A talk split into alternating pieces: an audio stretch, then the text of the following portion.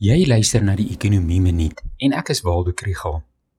In gister se episode het ek geargumenteer dat die binnelandse faktore wat druk plaas op inflasie nog nie so sterk is dat 'n stygings in die repo koers noodsaaklik is nie.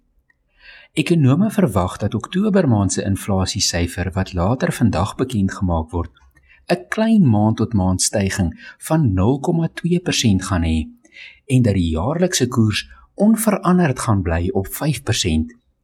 Dus moet ons praat oor die buitelandse faktore wat 'n rol kan speel in die moontlike verhoging van die repo koers. Die vernaamste hiervan is die rentekoersverskil tussen Suid-Afrika en die FSA.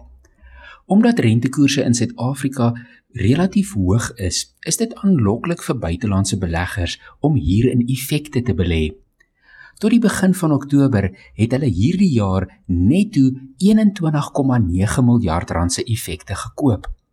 Die invloed van dollars om effekte hier te koop ondersteun die rand. Maar die Federale Reservebank het aangedui dat hulle uitbreidende beleid tot 'n einde gaan kom en Amerikaanse rentekoerse begin styg.